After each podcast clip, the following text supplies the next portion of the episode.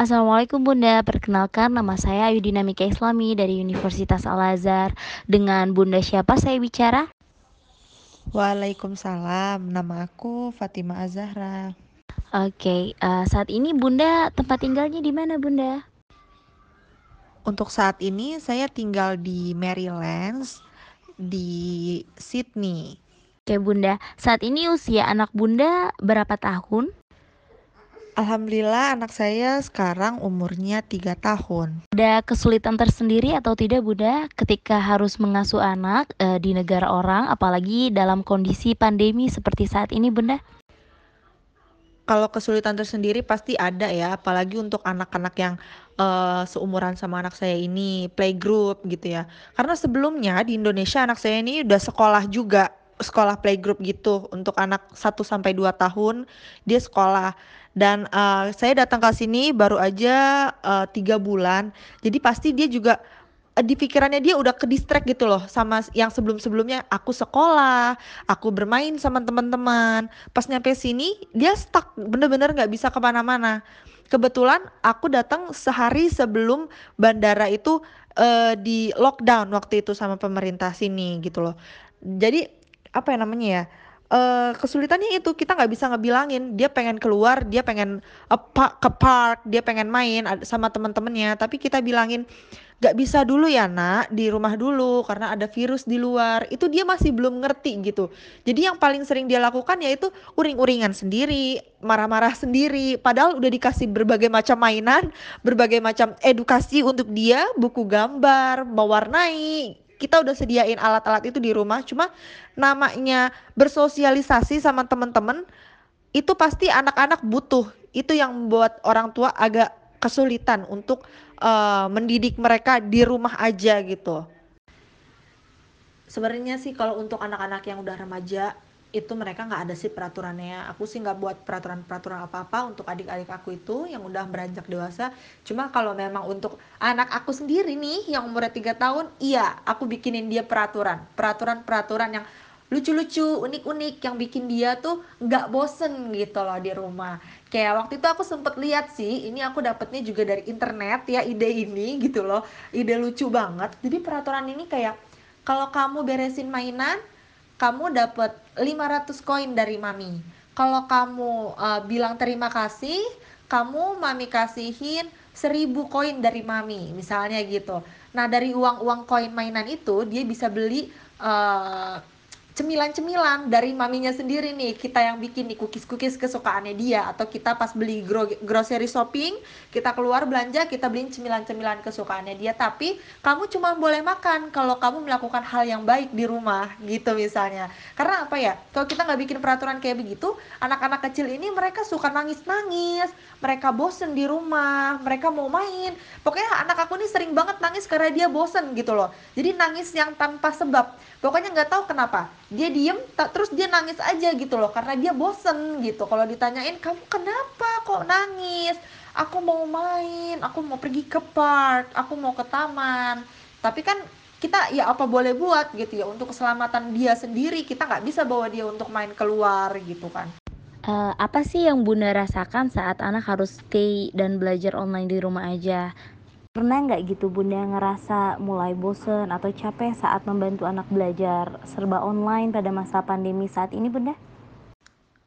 Sebenarnya untuk stay dan belajar di rumah itu juga ada kebaikannya juga sih ya bagi orang tua. Kayak misalnya kita bisa membangun bonding kita antara kita dan anak-anak kita gitu loh apalagi anak yang udah kelas 6 SD, SMP, SMA yang udah menjelang remaja gitu lah ya.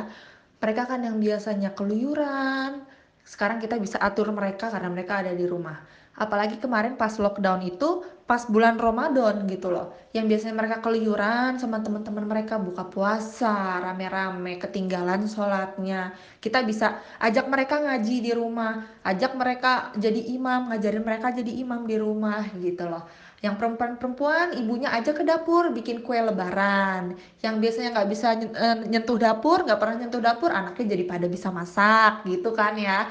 Cuma yang sulit yaitu belajar. Memang kalau belajar online memang sulit.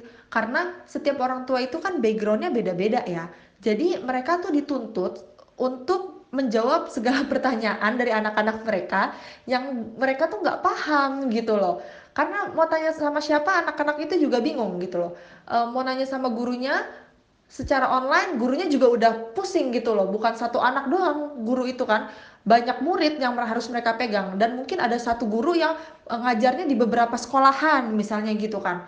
Itu juga mereka kesulitan, bukan cuma orang tua doang sih aku yakin, pasti gurunya ini juga kebingungan gitu loh. Eee, apalagi anak-anak yang gaptek, udah gitu harus siapin alat-alat juga kayak handphone, kayak laptop, kayak adik aku kemarin ya yang nggak punya laptop, adik aku juga, eee, sekolah online kemarin, ujiannya juga online, dia juga merasa agak kesulitan gitu ya. Karena ya itu, apalagi si sinyal gitu terutama, sinyal juga dia nggak ada sinyalnya jadi dia ketinggalan pelajarannya dari teman-temannya gitu loh, itu sih yang bikin sulit itu sebenarnya seperti itu aja gitu loh. Kita berkeluh kesah aja deh ya, kita sebagai, eee, i seorang ibu gitu ya, sebagai seorang istri nih yang punya anak-anak gitu ya. Sebenarnya kalau bosen sih pastinya enggak, karena apa, anak-anak ini memang kewajibannya kita gitu loh sebagai orang tua untuk mengajarkan mereka gitu loh. Tapi kalau misalnya capek, itu pasti ada capeknya karena mereka, eee, pertama nih capek untuk menjawab pertanyaan-pertanyaan mereka yang bukan bidangnya gitu loh, bukan bidang kita gitu loh, ngerti nggak sih? Kayak mereka nih bertanya banyak macem pelajaran dari sekolah, kita nih dituntut buat ngajarin mereka gitu loh di rumah. Sedangkan itu bukan keahlian kita, bukan bidangnya kita gitu loh. Misalnya kayak matematika banyak juga yang udah kita udah udah lupa gitu loh. Sedangkan kita ngejawabin mereka nih, kita harus bener nih, harus ngejawabin, eee, pertanyaan mereka kita harus bener, kita nggak bisa main-main gitu. Karena mereka mau ujian, misalnya gitu. Seperti adik aku kemarin, dia uji mau ujian gitu ya lewat online, kebetulan dia bertanya banyak hal sama aku, sama papahnya yang kita juga banyak bingungnya gitu loh. Ujung-ujungnya kita juga carinya lewat internet, jawaban yang dia pertanyakan kepada kita gitu loh. Nah, tapi kalau mau dibilang jujur-jujuran memang, eee, waktu juga sih sebenarnya bikin capek karena biasanya kalau mereka sekolah itu kita sebagai ibu, sebagai istri tuh punya me time gitu, kita bisa santai di rumah sambil nunggu mereka pulang sekolah gitu ya. Kayak kita bisa harusnya masak, bersih-bersih, tapi kali ini agak sedikit, eee, 80% disibukin sama mereka gitu loh. Karena kita harus temenin mereka. Ad karena banyak juga dari mereka yang Be belum ngerti gitu loh, gimana sih caranya nih belajar online gitu loh. Eee, entar lagi belajar online manggil kita lagi, "Mama," gitu misalnya ya, atau, "Pa tolongin ini, eee, kenapa ya? Ini kok nggak ada sinyalnya, ini kok nggak bisa muncul suaranya, ini kok nggak bisa muncul gambarnya," gitu. Ini kemarin aku juga pengalaman dari adik aku sendiri, kebetulan suami aku juga guru, dia juga mengajar online dan itu juga kesulitannya dia gitu loh. Jadi kalau untuk guru-guru nih kesulitannya lebih lebih hebat lagi loh.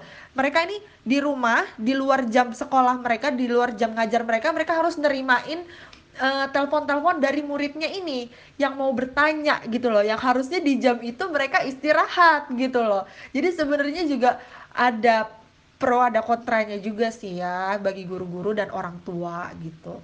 Lalu Apakah Bunda membuat sebuah peraturan yang Bunda ciptakan di rumah saat kondisi anak-anak harus tetap di rumah seperti saat ini?